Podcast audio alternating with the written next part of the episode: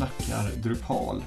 Det här är avsnitt 56 som idag kommer att belysa att eh, vi alldeles strax om mindre än en vecka har en stabil version av Drupal 8 som släpps.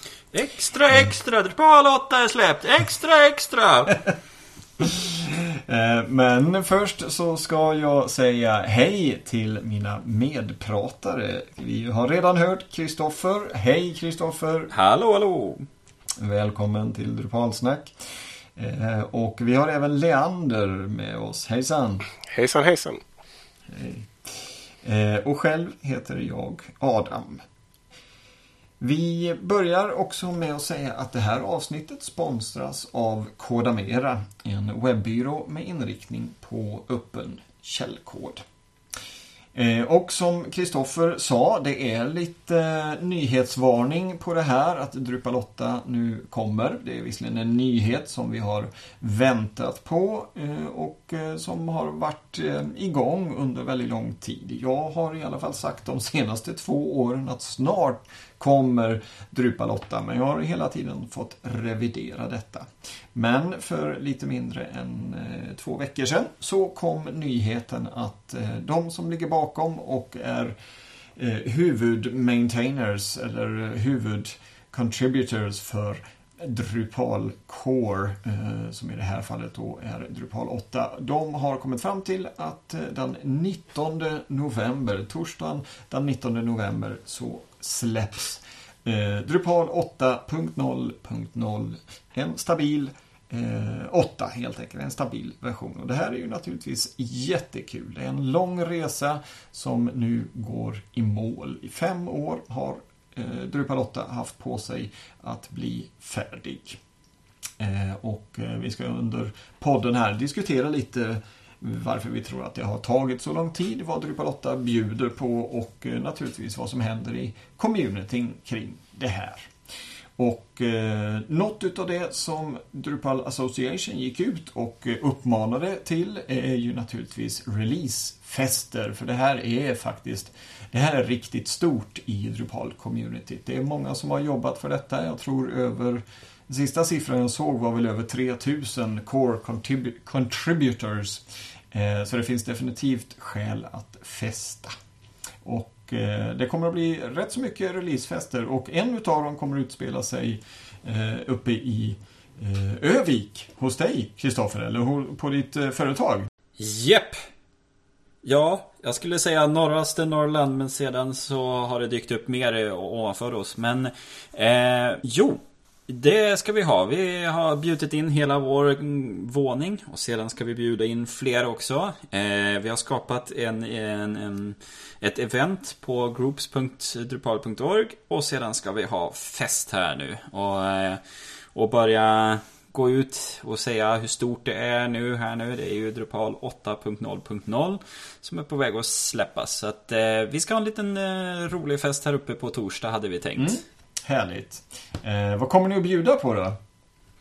Eh, jo, jag har ju såna här pepparkaksformar som jag fick utav Node One på någon eh, fest, eh, Drupal Camp Stockholm för jättelänge sedan. Så det tänkte jag göra. Jag tänkte göra pepparkakor. För det är ju jul här nu snart. Och sen så blir det varmkorv med bröd. Klassiskt. Ja, Både, både Drupal pepparkakor och varmkorv. Mm. Och så snacka lite Drupal 8 då, antar jag. Ja, jo vi tänkte först ha en liten session där vi pratar om vad är Drupal? För det är inte alla som vi bjuder in som egentligen vet vad det är för någonting. Och sen så ska vi ha ett event då vi installerar Drupal 8.0.0. Så då, eh, då ska vi ha en stor happening, ha en projektorskärm och visa nu laddar vi ner och installerar det hela. Och, och, eh, och sen så blir det avsluta med lite teknisk genomgång för de som vill stanna på det eller Så är det väl de som kanske eh, hittar lite förfriskningar där också. Ja, det låter som om det kommer att bli en härlig releasefest uppe i Örnsköldsvik. Eh, hur ser det ut för dig, eh, Leander? Finns det någonting i närheten av eh, där du bor? Eller kommer du att fixa något, något själv kanske? Ja, vi har i Köpenhamn. Där är det Copenhagen Rocks Drupal 8. Och det är inte så svårt att gissa vem som står bakom det. Nej, det är. Mårten DK som är väldigt förtjust i att saker ska rocka. Precis, precis. Och jag såg att det varar mellan 16.00 och 23.55. Så att det blir nog hårda tag. Det blir nog inga pepparkakor och varmkorv. Utan något som börjar på Ö. Antagligen, ja, antagligen. Det är lite, jag får säga, det är lite synd att de lägger det på en torsdag. Eh, för då innebär det ju faktiskt att det är en arbetsdag dagen därpå och eh, hade, hade det varit, nu är det klart att många inte hindras av det, men det hade varit lite enklare att ha det på en, på en fredag. Eh, och om jag minns rätt så var det en fredag när de släppte Drupal 7 som det var releasefest. Eh, men eh, ja, ilandsproblem. Man får väl eh, man får väl jobba lite saktare på fredagen eller ta ett liten Alvedon på morgonen. Men jag undrar egentligen när den kommer släppas med tanke på väl USAs tidszon som styr. Ja, du tänker så du. Ja. Mm. Så kommer de köra UTC 19 november eller kommer de köra i USA och släppa den typ eh, fem på kvällen? Det, jag skulle nog säga att det kan vara en liten risk för, för ganska sent svensk tid. Mm. Eh, För så har det ju varit med eh, ja, säkerhetsuppdateringar till exempel. Det kommer ju ut på onsdag kväll, eh, vår tid. Och eh, de andra RC-kandidaterna har ju kommit eh, ganska sent på dagarna också. Så att, eh, men då, då, eh, ja, då får du se, se hur det går där med din, med din live-installation. Om du får ta RC3 istället eller så får ni bara vänta. Sådär. Nej men den kommer snart, den kommer snart. Ja. Eh, Ja, vi installerar SCT och så visar vi inte statussidan där det står. Nej, precis. Får ladda ner filen och döpa om den och så. Men i vilket fall som helst så borde man ju kunna ladda ner Git-paketet. Ja, ta det från Git, för det borde ju vara färdigt. Det är väl att den har någon sista del innan det är paketerat. Men jag tror nog den branchen är redan färdig då. Ja. Det, det har du alldeles rätt i. Mm. Funderar du på att ge dig över till eh, Köpenhamn då, Leander? Ja, man är ju sugen men eh, jag tror tyvärr blir det nog inget med det. För att jag är sån här småbarnsförälder så att eh, det blir svårt. Eh, men ja, man blir sugen nu när ni eh, hasar det här i Drupal-snack. ja. Ja men du får anordna en själv. Det är bara... ja, precis. Jag kan ju ha en i Malmö faktiskt som är lite mer stillsam. Eh, det har ni helt rätt i. Det finns ju, eh, de har ju också gått ut med att eh, man ska eh, man ska använda de sociala medierna för att lyfta den här releasen och då har de en, en hashtag som man ska använda och det är Celebrate D8 med då 8 där 8 i Celebrate och D8 är, är då siff, eh, siffran 8 såklart. Det är en liten ordlek här. Eh, Så du får ju helt enkelt eh, twittra lite he- hemifrån soffan där du sitter med en, med en dru- drupöl och en, eh, en pepparkaka eller något sådant. En blå pepparkaka. Ja, precis. Jag måste ju berätta där en liten eh, anekdot då för att eh, jag var ju på releaseparty för Drupal 7 Och då bodde jag i Åbo Så då var det ett releaseparty där och det var precis i så här, Jag hade hört talas om Drupal och jag skulle börja jobba med det sen till hösten Men då var det ju då mm, på vi, vi typ med på januari var väl det ja. Så då var jag på en sån, det var på en pub och så gick jag dit med min fru och en annan kompis och sen var det tre andra finnar där som satt på en pub och drack lite öl. Ehm, men eh, de var, de var trevliga så men man eh, fick ju inte lära sig så mycket. Men det, så här, det, var, det var då jag började med Drupal så att det, man behöver inte göra något speciellt. Nej, precis. Det behöver ju inte vara något stort heller. Eh, nu vet jag ju dock att i eh, Stockholm så har Drupal-communityn också en releasefest. Eh, så, och eh, nu ska vi se om det stod någonting mer om, om det. Eh, nej, de, de bjuder in till re- releasefest där också på grund av Drupal 8. Eh, alla de här releasefesterna finns ju faktiskt på en eh, jättebra karta. Vi har pratat om den här innan.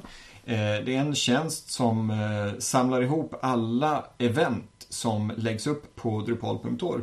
Eh, och det här är en sida som heter Drupikal, drupikal.com. Vi lägger till de här länkarna i våra show notes precis som vi brukar göra. Så att eh Gå in på drupalsnack.se om du lyssnar i en poddspelare så har du alla länkar där.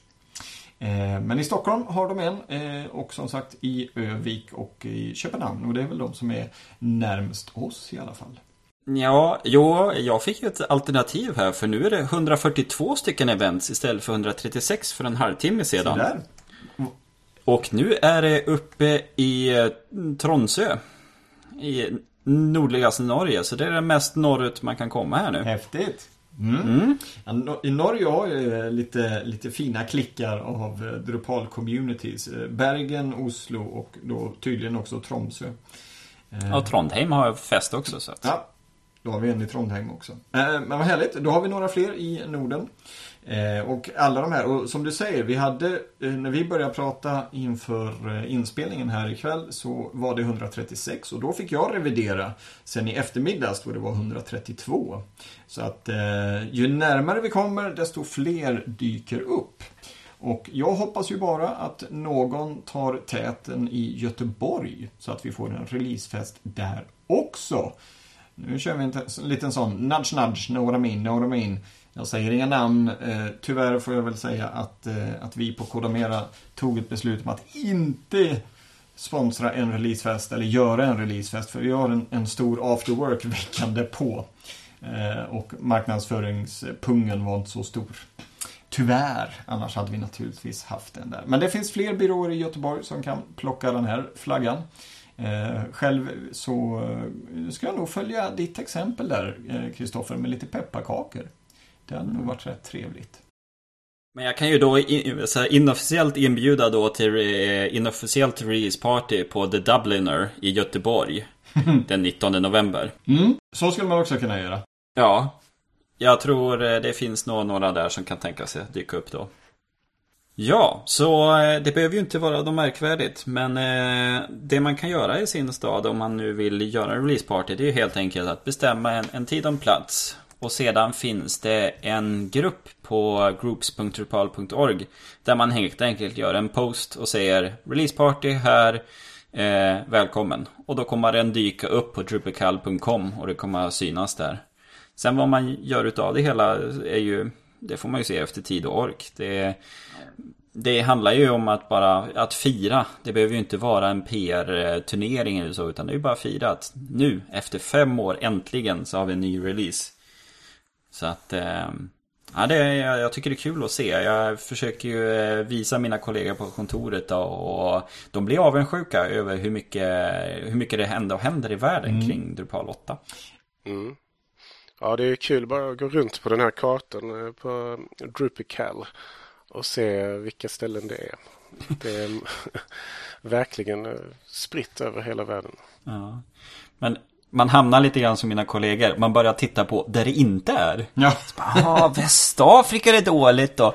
Ja, tidigare var det ingenting på Nya Zeeland, men nu har det kommit dit. Ja, ja nej, det är ju en, en ganska stor klump eller vad man ska säga över Europa och USA. Eh, kan man ju lugnt säga och det är väl inte så konstigt heller. Eh, men eh, det finns ju många andra ställen också som, som utmärker sig. Ja, där har vi ju faktiskt Brasilien är tomt.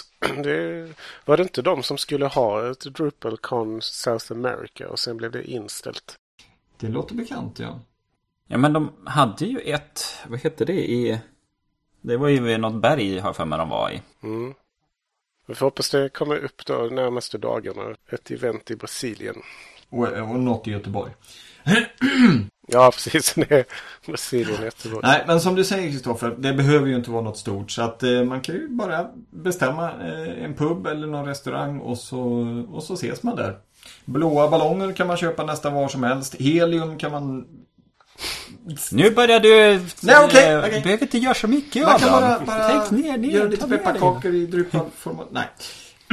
Nej, eh, vi får ju se. Det är lite kul att se här. Eh, som sagt, från 132 till 142 bara på några timmar. Så att det, det klickar till här på Drupikal.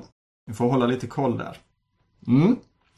Yes, eh, det går framåt eh, och med eh, Drupal 8 på väg ut genom dörren så, eh, så är det som sagt målgång här på en fem år lång period av utveckling. Och eh, de som eh, hypar andra system eh, och inte tycker om Drupal säger naturligtvis att Åh gud vad lång tid det har tagit och så får man börja förklara för dem att Ja men det beror ju på att det, det är inget stort företag som ligger bakom och det är en väldigt stor förändring på Drupal 8 också. Eh, ska vi ägna några minuter bara till att eh, räkna upp de här de här stora förändringarna som faktiskt säkert har, har medfört att det har tagit så lång tid, eller vad man ska säga, att det har skjutits på framtiden här. Eh, om man, om vi, vi, kan gå laget runt här. Om Kristoffer, om du plockar en eh, av alla de här förändringarna, vad, vilken, vilken, vilken skulle du ta då? Ja, jag skulle nog säga configuration management. Att få ner alla inställningar i, som man gör, få ner mm. i kod. Som gör då att man på ett enkelt sätt kan plocka ut filer och eh, helt enkelt eh, skicka upp det på, på liveservern genom ett administrativt gränssnitt och då därigenom få med sig de här förändringarna. Mm. Eh, det är en eh, funktion som jag har pratat med varm om flera gånger och eh, säkert en av de grejerna som har varit svårast att få funka. Mm. Bra exempel. Leander, har du något exempel som du tror kan ha medfört att det har tagit lite lång tid för Drupal 8 att komma ut genom dörren? Ja, jag har inte följt det väldigt noga så att det som jag tänkte säga när du ställde frågan var det som Kristoffer sa.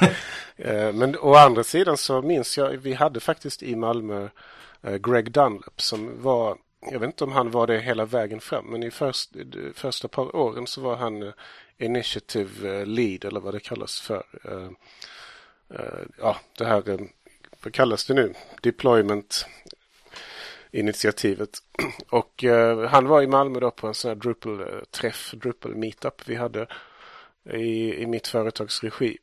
Och eh, på det han berättade då så låg de väldigt bra till i tidplanen medan andra initiativ låg sämre till. Så att jag vet inte om det är det som gjort att det tagit tid. Nej. Nej. Eh, men förändringar som jag börjat tycka om nu när jag börjat använda Drupal 8 lite grann. Det är ju att de har faktiskt utvecklat Ehm, UX-designen positivt tycker jag. Uh, den kände jag att det var inte så mycket prat om den i och med att Drupal 7 var ett väldigt stort steg åtminstone känslomässigt för Drupal-communityn i att uh, försöka skapa ett bättre interface.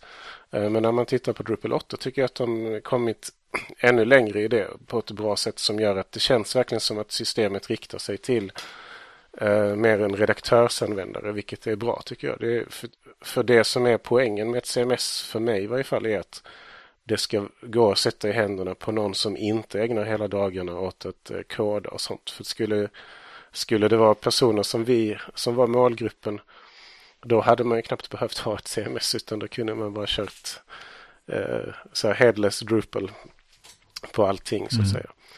Eh, men som sagt, eh, som jag nämnde innan, blocksystemet, att det, blocken går att uh, ha många instanser av samma block är en jättevälkommen nyhet som jag upptäckte igår. Och, uh, och även då hur de valt att dela upp saker i, i uh, admin-menyn, då content structure, appearance, extend. Att de valt att kalla modulerna för extend tycker jag är bra psykologiskt då så har de configuration people reports. Att, ja, det känns som att uh, interfacet fått själva, själva looken och känslan kan jag tycka känns en aning tråkig men själva eh, pedagogiken bakom det tycker jag verkar bra på det jag sett hittills. Mm. Men som sagt, jag vet inte om det är någon av de sakerna som gjort att det tagit fem år. Eh, det, det ska vi höra om Kristoffer och, och, Adam om ni har fler eh, saker. Jag, eh, jag tror säkert att, att det du har sagt nu eh, har, har varit en, eh, en ganska lång resa också om man tittar eh, bakom kulisserna. För där är det ju eh, Twig och det är fullständig responsiv design som ligger med i det här paketet också. Och det har ju inte varit helt lätt att få in. Att plocka in de här bitarna från, eh, med Twig ifrån Symfony eh, och sen naturligtvis att få hela systemet att lira responsivt. Eh, så att eh, som, som uppföljning till det du sa här så, så har säkert det haft, eh, haft sina grejer. Och jag vet ju när det nu var DrupalCon i Barcelona för en dryg månad sedan så satt ju fortfarande Twig-gruppen med Mårten i spetsen och faktiskt gjorde de sista eh, eller man ska säga. De, de satt ju där och försökte lösa de, de sista bitarna med just tema, temabiten. Mm. Har ni eh, någon uppfattning om hur snacket har gått eh, inom Drupal-communityn kring det här med eh, Wizzy Wiggen till exempel som jag tycker för jag, tänkte, jag lyssnade på ett gammalt avsnitt av, av Drupal-snack där jag tänkte herregud vad dryga de är. Det var det här avsnittet som någon undrade vad är svårt med att komma in i Drupal? Och då gick ni in på olika skillnader mot andra system och eh, någon som medverkade där eh, tyckte att Wig är det värsta som någonsin funnits. Och det vet jag att det finns många av dem jag lärt känna inom Drupal-sfären som tycker att säger man ja men kunden vill gärna ha Wizzy Wig så de kan göra fet stil och så, så får man här så ja men då får de ha sådana här, jag kommer inte ens ihåg vad det kallas men det finns ju BB Edit och sånt där. Ja precis. Ja exakt. Markdown, inte markup. Markdown. Ja just det, markdown, förlåt. Ja, upp eller ner. Mm. Men har ni någon, eh, några intryck där av hur snacket har gått? Har det liksom varit en svår eh, bitter, bitter kalk att, att dricka för en stor del då av communityn eller? Nej, det, så här, det man vill är ju att man vill ju ha datan strukturerad. Det är ju det mm. som är huvudsaken och en VCVig har ju väldigt svårt att göra strukturerad data. Men det jag har sett, var för ett, ja, var det för ett år sedan, men eh, det är ju att de håller på att jobba ganska mycket med Visivyggen. Att man ska kunna dra in element in i Visivyggen och då behåller den, den sin struktur. Så i Visivyggen så då kan du ha en tvåkolumnslösning och den sparas med, eh, med metadata över hur tvåkolumnen ska vara. Eller till exempel man kan dra in ett fotoalbum och då sparar metadatan kring det hela. Är det lite liknande som mediamodulen har fungerat? Att det blir en slags styrtecken som berättar för systemet att på det här stället ska du infoga entiteten si och så? Ja, mm. Mm typ. Mm. Men de har ju som gjort om och gjort rätt ja. i, i, det hela. Ja. Så att det blir, jag har inte sett så mycket av det i de här slutgiltiga presentationerna. Men det finns som med där i tanken så det kommer nog bli kontribmoduler för det hela. Men det, det ser jag som en väldigt så här, bra sak att man kan få med en template-system in i Vysivyggen. Mm.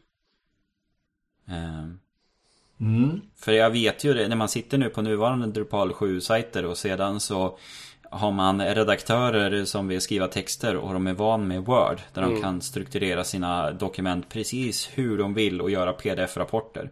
Och så vill de få in den funktionen på webb och så går de runt och tittar på vad andra har gjort. Och då blir man där, ja men vi har en artikel content type. Jag kan göra en specialsida men ska du ha det här för alla eller inte? Och det är då det blir, när man känner att ja, en bättre visivygg så skulle vi nog kunna hantera det hela. Men man vill ju ändå kunna bryta ut. För ibland blir det, ja men den här nyheten vill jag ju få en bilden som är inne i brödtexten vill jag ju kunna visa när jag gör en puff om den. Mm.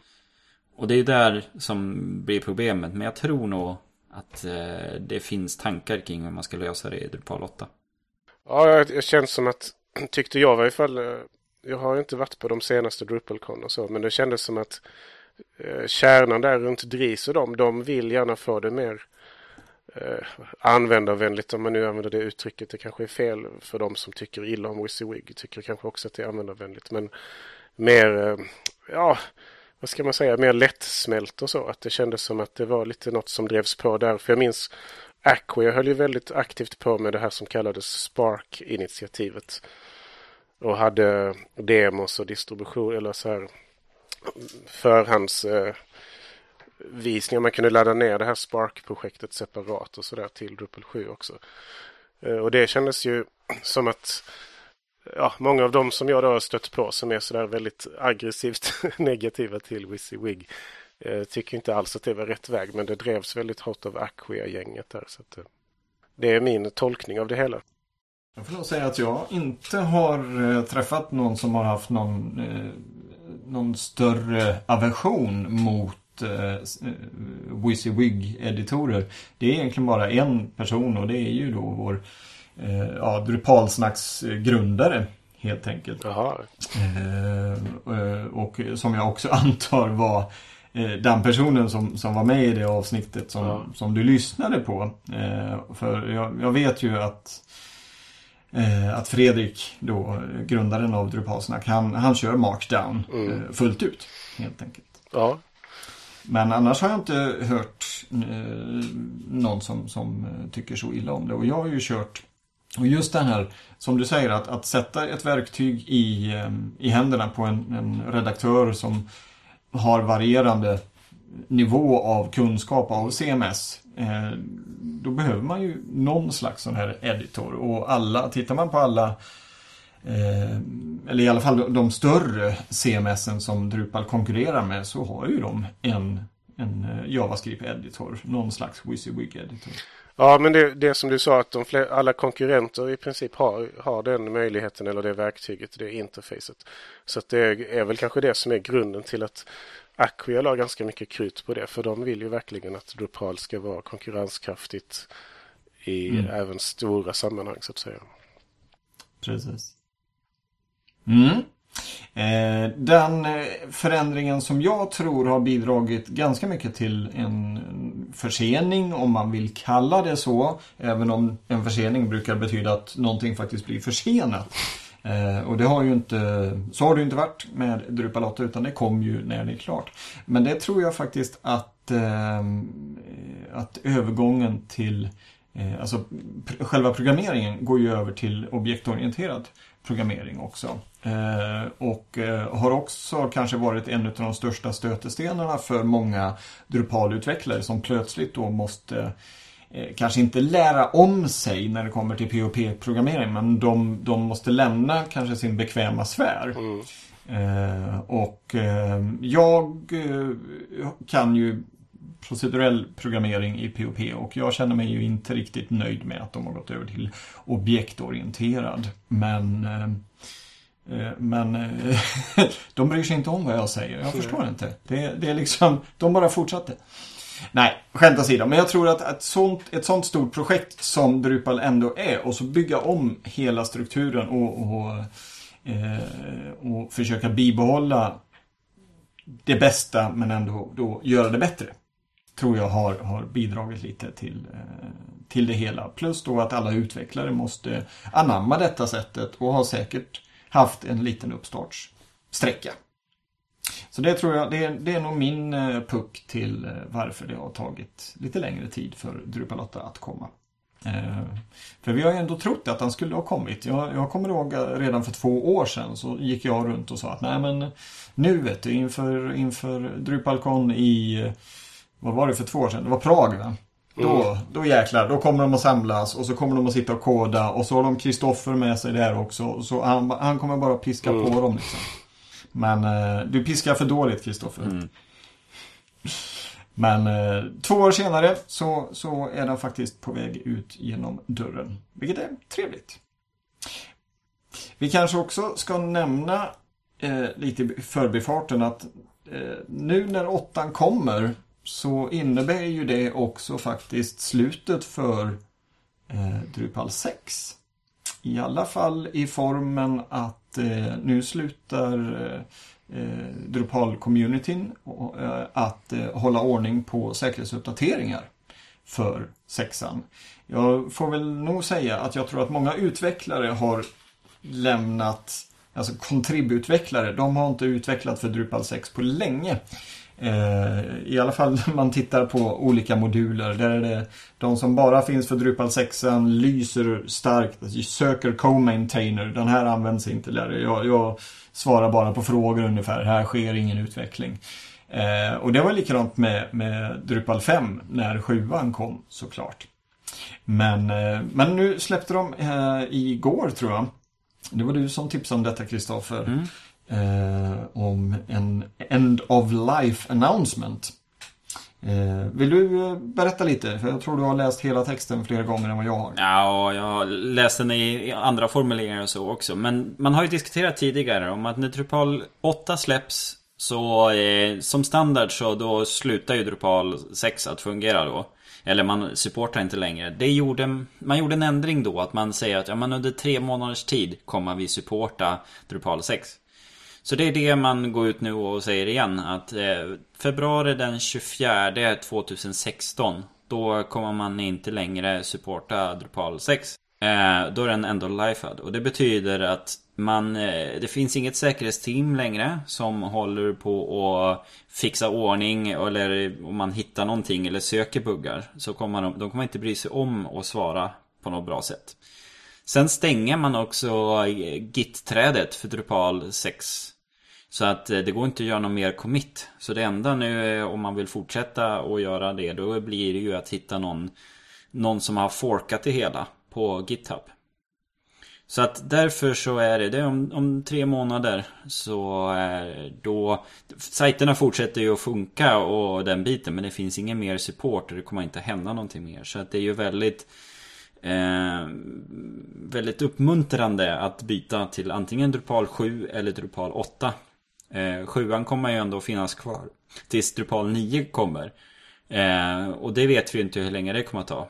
Eh, Nej, precis. Eh, sen får vi se vad som händer på vägen också. Bara för att eh, det har varit någorlunda eh, vad ska man säga, stabila versioner 5, 6, 7, 8 och så vidare så eh, har det ju snackats lite om att man kanske ska släppa någon slags halvversion så att det blir åtta och en halv eller något sådant. Eh, att man eh, pushar ut lite större eh, utvecklingar. Så att nästa version av, av Drupal kanske inte är Drupal 9 utan det kanske blir 8,5 eller något sådant. Ja just det, det nämnde Kristoffer för det, det avsnittet jag var med i för några gånger sedan. Vilket eh, var en stor nyhet för mig och det låter väldigt uh, klokt tycker jag att man inte kör de här mega-releaserna utan försöker smyga fram uh, gradvis. Mm. Och eh, där ser man väl i så fall fram emot kanske en fullständig migrationsverktygslåda. migrations eh, verktygslåda. Eh, nu kommer det ju att finnas lite men man behöver contrib-moduler för att få det att funka. Eh, jag kan tänka mig att mediamodulen kan få ett, en större uppgradering i något sådant här. Mm. Men eh, det får framtiden eh, utvisa helt enkelt. Eh, och eh, tills vidare så är det ju sagt att eh, sjuan slutar supportas när nian kommer. Eh, och som nu då när åttan kommer så slutar sexan supportas. Men att de bjuder på, vad ska jag säga, erbjuder tre månader extra här då eftersom det faktiskt är ett ganska stort hopp eh, i och med Drupal 8. Både programmeringsmässigt som eh, hur eh, systemet fungerar. Får man lov att fråga eh, om ni har några projekt i Drupal 6 fortfarande? Oh ja! Det, eh, både, både privat och på jobbet. Det Drupal 6, jag brukar jämföra Drupal 6 med Windows XP. Det finns otroliga mängder installationer av Drupal 6. Eh, nu tror jag dock att sjuan faktiskt har gått runt om man ska, eh, eller gått, gått förbi i alla fall om man ska se på statistik på Drupal.org som då samlar in från sina installationer. Eh, men det finns ju väldigt många Drupal 6-sajter och eh, jag har två privat och eh, bland våra kunder så är det nog inte riktigt 50-50 men i alla fall 40 40 procent Drupal 6. Wow. Men får man också fråga då, hur, hur är liksom de sajterna rent till det yttre då? Om man skulle besöka en sån sajt, känner man, eller alltså är de då liksom lite bedagade helt enkelt får man lov att fråga så eh, vad det gäller design och så. För att det, det känns ju, tycker jag, väldigt ovant med sajter som har så långt lifespan att de är när, när var det som Drupal 7 kom väl 2010 var det inte så? Jo. Mm. Ja, det är tidigt 2011 tror jag. Ja. Januari 2011. Men är det kunder då där man har byggt, lagt så många timmar och så mycket tid och pengar på att bygga det som, som är där att, att uh, det är ett väldigt stort och svårt steg att, att gå till nästa generation då? Eh, oj, eh, jag kan ju bara prata för Corameras skull och där har vi naturligtvis eh, Drupal 6-sajter som, som är väldigt, alltså där man ser att den här designen är 4-5 år gammal. Eh, mycket rundade hörn, Eh, mycket skuggor. Eh, men samtidigt så har vi ju Drupal 6-sajter där vi kontinuerligt har uppdaterat designen. Eh, där vi har haft ett tätt samarbete. Eh, och eh, där eh, många utav dem, trots att Drupal 8 ändå har varit på väg, så har vi haft en, en, en konversation och sagt att nej men vi vet inte riktigt när den kommer. I värsta fall, i bästa fall kommer den om ett halvår, i värsta fall kommer den om ett och ett halvt år.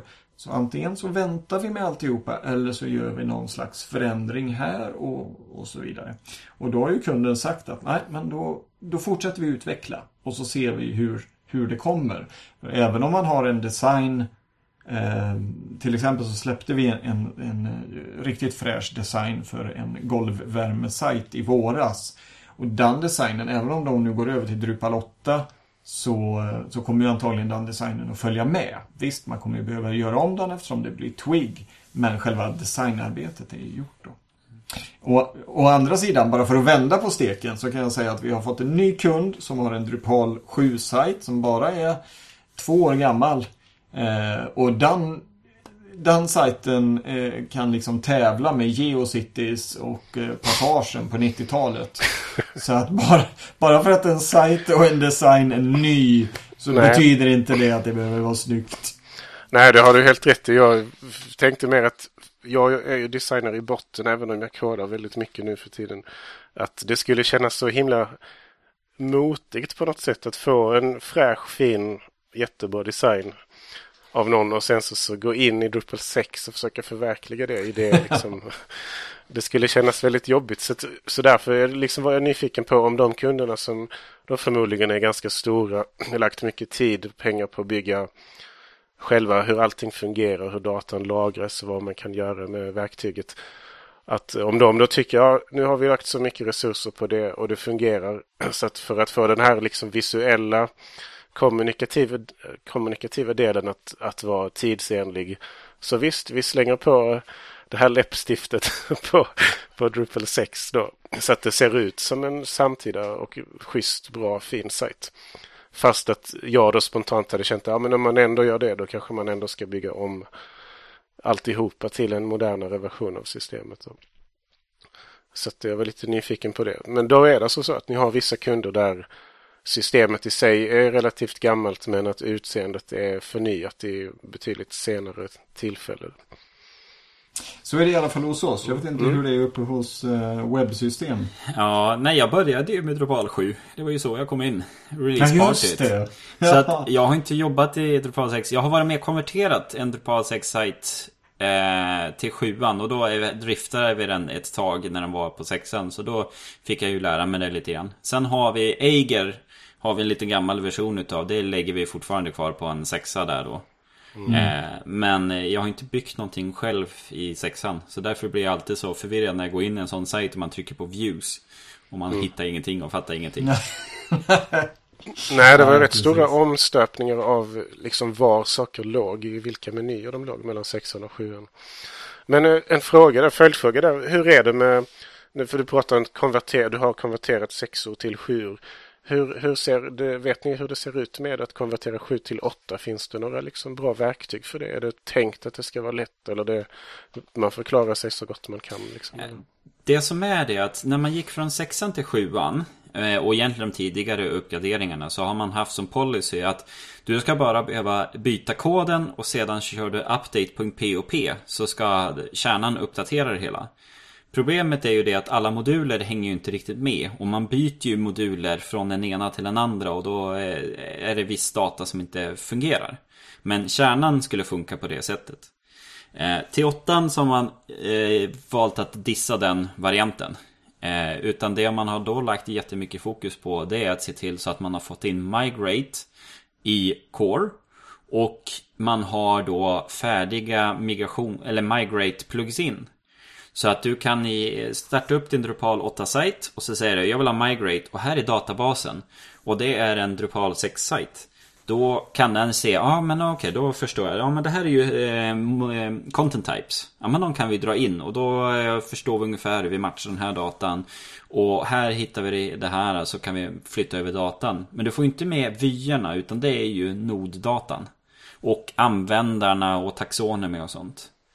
Ja, jag tycker det känns helt okej. Okay. Jag gjorde en konvertering mellan 6 och 7 på en sajt som var väldigt, väldigt stor. Eller ja, allting är ju relativt för er stora tuffa grabbar kanske den inte var det. Men, men det var eh, 10-15 tusen noder eller något sånt där. Som berodde ja, på en massa skäl. Det skulle kunna vara ett helt Drupal-snack att berätta om den sajten. hur den var gjord. Men hur som helst. Då gick det ju att konvertera. Eh, det var ju 67 då. Konvertera så att man fick med alla noderna.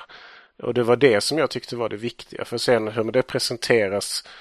Det gör man ju ofta om ändå. Eller kanske inte alltid. Men i det fallet så skulle den ändå få en eh, en ny design och ett nytt interface även i backend för, eller förenkla för redaktörsanvändaren att hantera sajten. Så det enda viktiga var att när det fanns så fruktansvärt mycket innehåll eh, då var det skönt att få med det så att det fanns eh, som dokumenterade noder med fälten och hit och dit. Jo, och som avslutningsvis kan jag ju säga där att man har ju lagt väldigt mycket krut på att själva uppgraderingen från Drupal 6 ska fungera till 8. 7 Eh, från Drupal 7 till 8, det har man valt att lägga i version 8.1. Bara för att eh, så här, ja, men vi ska, det ska funka för Drupal 6. Det är det som är mest kritiskt. Att få den migraten att funka. Sen funkar det mest ändå för 7 eftersom mycket är lika. Men man har lagt mycket krut på att få från 6 till 8 att funka. Mm. Och det är väl det är väl smart tänkt. För att det är ju sexan som slutar, slutar stödjas medan sjuan fortsätter. Mm. Mm. Eh, vi börjar närma oss eh, vår eh, satta gräns på ungefär 40 minuter. Eh, vi har eh, då pratat om Drupal 8. Det blev en liten lös diskussion varför det har tagit lite tid för Drupal 8 att komma och i stabil version. Vi har pratat releasefester eh, och eh, att Drupal 6 helt enkelt eh, kommer att dö någon gång i februari. 2016. Nej, inte dö, men det kommer att sluta stödjas i alla fall. Eh, det har varit intressant. Eh, hela resan eh, får jag säga har varit väldigt intressant. Jag kom ju in i Drupalsfären ungefär när 8 började byggas och nu får jag sedan gå i mål helt enkelt. Eh, för er som eh, har lyssnat så lägger vi som sagt våra eh, show notes, lägger vi våra länkar i och Eh, vi, ni kan också hitta oss då på lite andra ställen eh, förutom i din poddspelare eller webbläsare om du har gått in på drupalsnack.se och lyssnar på det här ifrån webbläsaren. Eh, du kan hitta oss i RSS-flöden. Eh, den länken hittar du också på drupalsnack.se. Vi finns på Twitter där vi heter Drupalsnack. Eh, och sen finns vi faktiskt i verkligheten också och syns på lite camps här och var. Så om du ser oss så hugg tag i oss och snacka lite. Eh, till exempel så kommer i alla fall jag att åka upp till eh, Drupaldagen som anordnas i slutet på november eh, tillsammans med eh, eh, internetdagarna där uppe. Eh, du skulle inte dit Kristoffer Leander. Ska du upp till den här Drupaldagen? Ja, jag blev väldigt sugen att åka dit när jag såg i, i schemat eller kalendern att det var. Men eh, jag har inte planerat in det än. Så det blir väl en diskussion med familjerådet hur, ja. hur det går. Ja. Men jag kommer att finnas där i alla fall. Jag ska se om jag kan ha något grönt på mig. Eh, någon Drupalsnack-tisha eller något sådant. Eh, och jag tror också att eh, Moa Mandorf, som också pratar i Drupalsnack kommer att vara där i och med att hon jobbar uppe i Stockholm. Eh, det får vi återkomma om. Eh, med det så ska vi avsluta med att säga att det här avsnittet har sponsrats av Kodamera. En webbyrå med inriktning på öppen källkod. Och eh, för er som vill lyssna mer på oss där vi fortsätter snacka så har vi vårt eftersnack där vi låter gommarna glappa lite till. Men eh, vi avrundar här och jag säger tack till Leander för att du kunde vara med idag. Ja, tack, tack. Och eh, tack Kristoffer för att du också kunde vara med. Ja, men tack själv. Och jag heter som sagt Adam och eh, med det så säger vi hej då! Hej då! Hej då!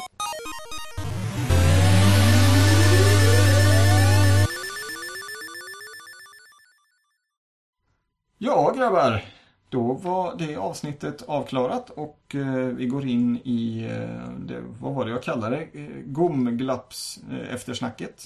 Ja, precis. Konstigt sätt att uttrycka det, men... Eh, eh, Men, men, ins- i alla fall. ja, men inser ni nu hur stort det är? Nästa gång vi samlas för att pratas, då sitter vi med Drupal 8.0.0. Mm. Smaka på den. Ja. Och där var jag sugen för frågor också.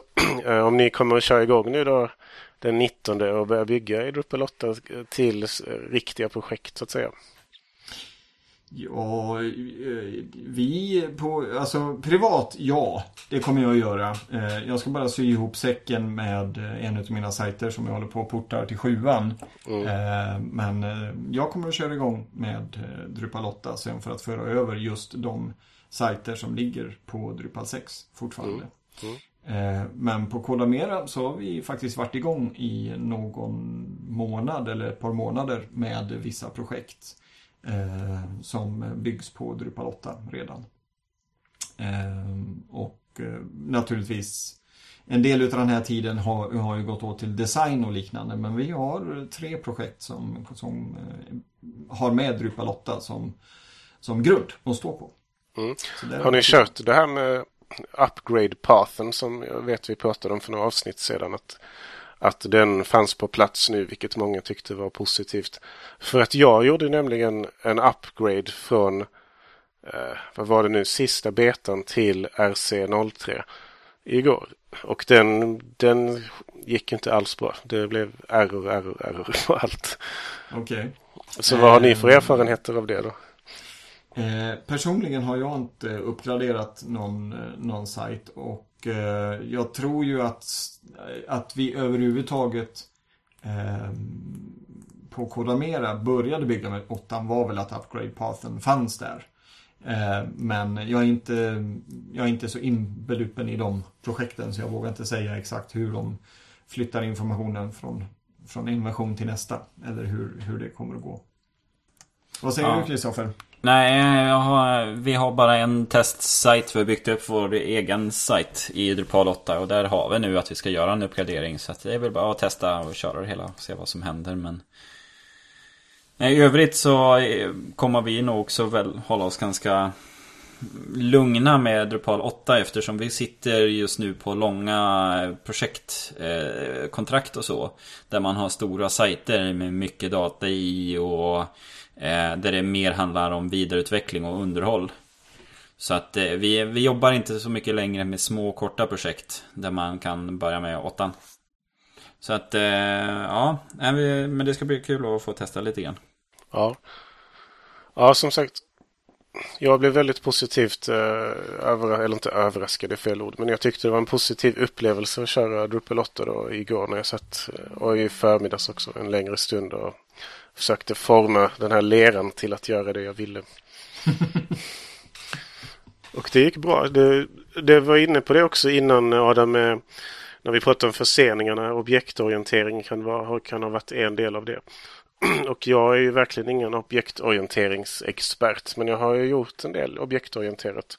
Och när jag testade nu då Drupal 8, testade att bygga en modul i det så, så upplevde jag inte alls det som något eh, jobbigt på det sättet att det kändes. För det har ju ändå varit, om inte jag har helt fel, har det ju varit bitvis objektorienterat redan innan.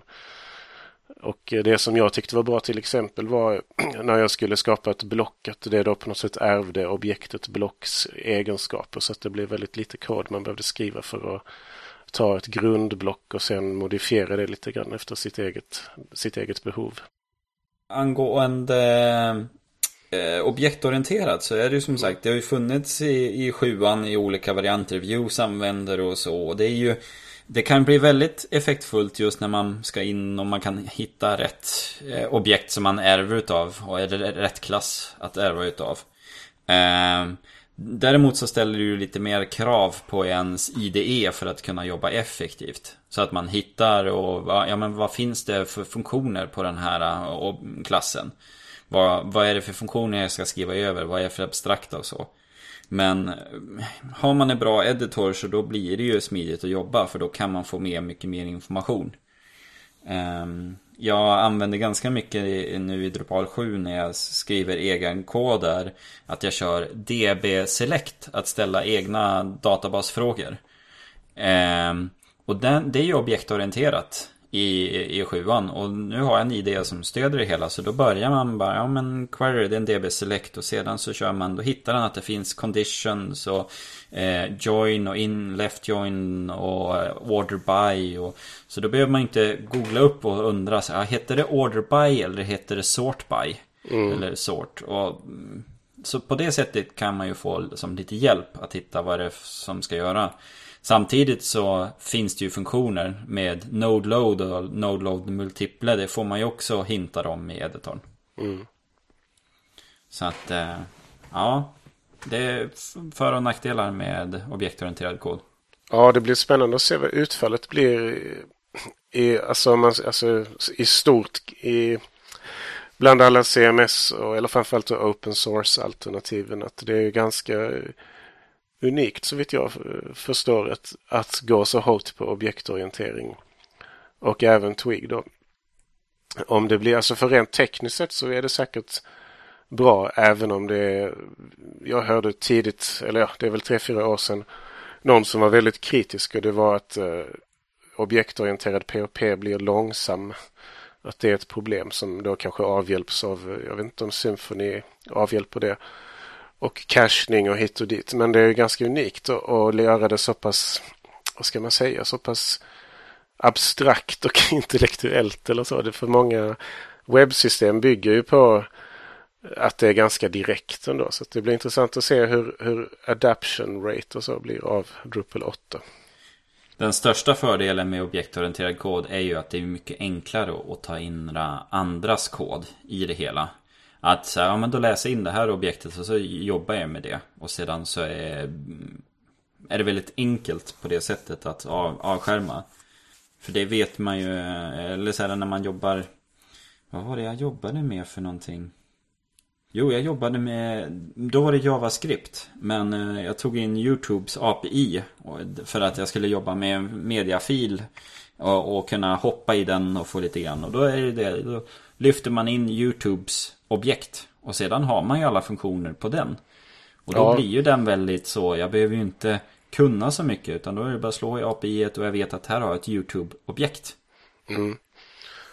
Jo, nej, det, det, är lite mer komplicerat att komma in i kanske. Men, men när man väl har det, objektet och lärt känna det.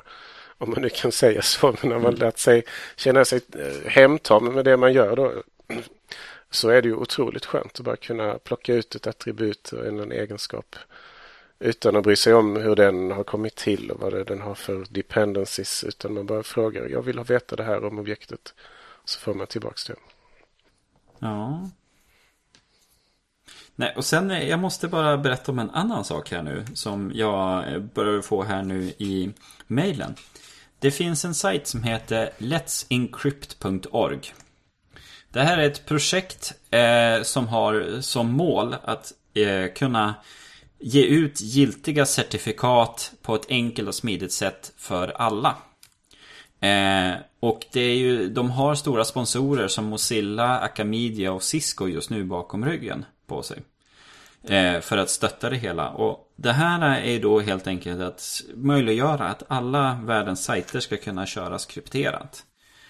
Eh, och de har just nu släppt ut en limited beta. Eh, så jag har signat upp och fått tillgång till hela. Och det fungerar som så att man laddar ner ett, eh, ett git-repo är det just nu. Med kod. Och sedan så kör man ett program på sin på sin Ubuntu-server och så säger man Jag vill skaffa ett certifikat för den här domänen. Ehm, nu var det vår internwebb, eh, horisont.it. Eh, då kommer den gå ut till eh, de här Let's Encrypt och säga ja men eh, skapa ett certifikat. Och för att verifiera att jag verkligen har kontroll på den här domänen så då måste man tillfälligt stoppa Apache och sedan så kommer det bli att Let's Encrypt servrar tar kontakt med Horizon.it med en sån hashkod för att verifiera att jag verkligen äger den. Så då har man sitt program som startar upp en lightweight webbserver och säger att Jo men här, det här är hashkoden som du ska visa. Och då man har fått den verifieringen då vet eh, Let's Encrypt att det är, man, står bak, man äger domänen som man försöker eh, signera. Och sen när det är klart, eh, det tar bara några sekunder, då får man sen eh, certifikatfilerna på en eh, katalog på sin server och sen kan man starta Apache igen. Och då har du giltiga certifikat och just nu så har de en riktig CA i botten. Innan deras Let's Encrypts CA är inlagt på alla webbläsare. Så att då får man ett riktigt giltigt certifikat helt gratis och som man kan lägga in på sin webbserver då. Och det där tycker jag är jättebra. Och eh, jag hoppas det verkligen eh, funkar hela vägen. Så att eh, man i framtiden kan köra HTTPS på alla sina sajter. Även utvecklingssajter. Och det ska bara funka. Mm. Det låter ju som ett väldigt bra initiativ. Mm. Det är ju rätt eh, ambitiöst får jag säga. Ehm, och trots, eller jag ska inte säga så men de har ju stora sponsorer. Det är många som har hoppat på det här men det skulle ju också då innebära att, att de här som sitter och tar betalt för certifikat, in, liksom, det här kommer ju att slå undan benen för dem. Japp. Yep. Mm. Ja okej, okay. civil olydnad från Kristoffer. Ja, ja, men, ja, men, men, men grejen är det, varför ska vi betala dyrt för några få? Varför ska Kinas postverk kunna ge ut eh, certifikat och ta betalt. Mm. Och egentligen också då kunna dekryptera trafik. Så att eh, bara såhär, Det enda som behövs är att man får in ett rotcertifikat i webbläsarna. Och har du Mozilla bakom det, då har du fått in Firefox. Google tror jag inte har någonting emot att flytta in det hela heller. Då är det Safari och Internet Explorer som är kvar. Mm. Och sen så har du ett giltigt eh, certifikat. Och det är ju inga kostnader för de tillverkarna mm, eh, Chrome eller eh, Apple eller Microsoft att lägga in ett till root-certifikat. De har ju redan, jag tror det är hundra stycken. Eh, det som är ju att Let's Encrypt måste ju verkligen se till så att det inte missbrukas. Ja, precis. Att, att ingen skapar ett certifikat för Facebook.com och kör phishing på det hela. Men det är ju där de har byggt in att ja, men, din domän kommer verifieras. Att du, den domänen du verifierar att den verkligen går till rätt server. Ja, nej, det känns väldigt sympatiskt tycker jag. För att det har varit lite, lite orättvist att eh, ja, webben var ju från början liksom att vem som helst kunde ha en webbsida på samma villkor i princip.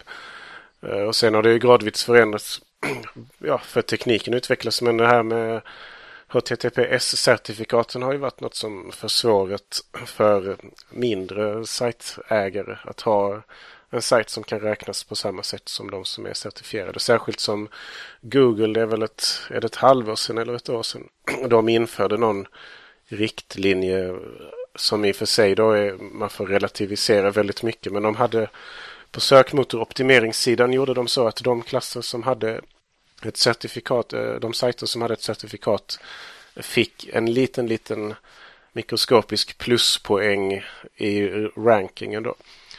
Och det, kan man, det är ju relativt då för att eh, det bygger på att två sajter på alla andra punkter är identiskt lika. Då skulle den som hade ett certifikat få lite bättre ranking.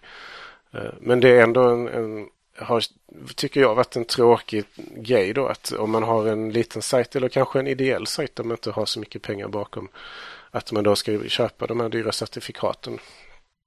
Sen är det ju som så, de har ju gjort med de här certifikaten så är det, det är 90 dagars lifetime på dem. Så efter 90 dagar måste du renewa dem. Och tanken är det att du ska få upp en automatik med hur du renewar dem. Så att det, det ska ske automatiskt. Och då behöver du inga långa tider på det hela utan då kan du gå ner mot 30 dagar och få nya certifikat hela tiden. Men, eh, men det är ju det så här att köra utan SSL så är man ju öppen för hackerdelar. Jag satt ju i Barcelona där och eh, skulle underhålla några kundsajter där man inte har SSL. Mm. Och då så här känner man ju det så här Ja, hoppas det inte är någon som bara lyssnar på trafiken. För det är ju guldgruva att bara sitta här och lyssna på trafiken. Du får, ju, in, du får ju alla, eh, såhär, jag tror nog 80% som inte kör SSL på sina eh, sajter. Mm. Och då har du eh, användarnamn och lösenord i klartext. För det är bara att lista, sitta och lyssna på trafiken. Mm.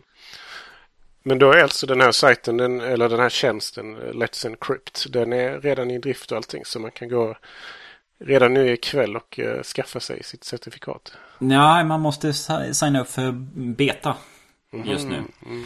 Eh, så att det är väl någon månad till. Sen så ska det vara öppet. Så de håller på att släppa på betatestare just nu. Ja, för när du beskriver det här med eh, hur öppen trafiken är när den inte är krypterad så blir man, känner man panik och vill genast ha certifikat på allt. Ja. Och det är det att eh, det kan man ju, man kan ju sätta eh, det på um, utvecklingssajter kan man ju signera sina egna certifikat. Mm. Men eh, det går ju inte för att ens kunder att då säga, ja men då ska du gå in på HTTPS och så ska du klicka förbi den där stora röda delen och säga att jag vill göra ett undantag från den här sajten. Och det är lite svårt till de här småkunderna att säga, ja men vi betalar 2000 kronor per år. Mm. För att du eventuellt inte ska kunna bli hackad. Så att... Eh, nej, det... Jag hoppas det. Så att eh, det håller på att betas-testas och se så att det ska få i ordning alla deras servrar och sånt. Tanken är ju att det kommer ju bli ganska hård, hård belastning då när du har tusentals domäner som eh, på 60 dagar eh, ska renewa sig, eller 90 dagar renewa sig. Mm. Så att, eh, nej det var... Det var, det tänkte jag, det kunde vi prata eh, och så. Det var eh, en bra sak som hände på internet. Mm. Du får, du får hålla lite koll där när du har fått eh, inbjudan och se hur det går. Helt enkelt. Ja, just nu håller jag bara på att eh, begära fler domäner för alla mina olika. Sen när jag, när jag har fått dem, då kan jag bjuda in fler. Ja, gött i gött gött. Eh, kul när, när sådana saker händer. Yes, eh, eftersnacket. Vi brukar ju försöka hålla oss runt en timme. Eftersnacket har pågått en liten stund här så att vi ska faktiskt ta och börja avrunda. Eh, tack för den här eh, inspelningen grabbar. Eh, vi hörs igen om eh, två veckor då vi fortsätter snacka Drupal och eh, internet och webb helt enkelt. Eh, och eh, som du sa tidigare att nästa gång vi hörs så sitter vi med eh, en stabil eh, Drupal 8 framför oss eh, och har kunnat känna på den. Och förhoppningsvis lite Drupal pepparkakor i magen. Ja. Du, får, du får skicka några. Ja. Ja, jag ska göra det. Ja, det tycker jag. Fin, fint. Eh, till er som har lyssnat, tack för att ni eh, valde att lyssna på oss. Eh, signa upp er för vårt nyhetsbrev på drupalsnack.se.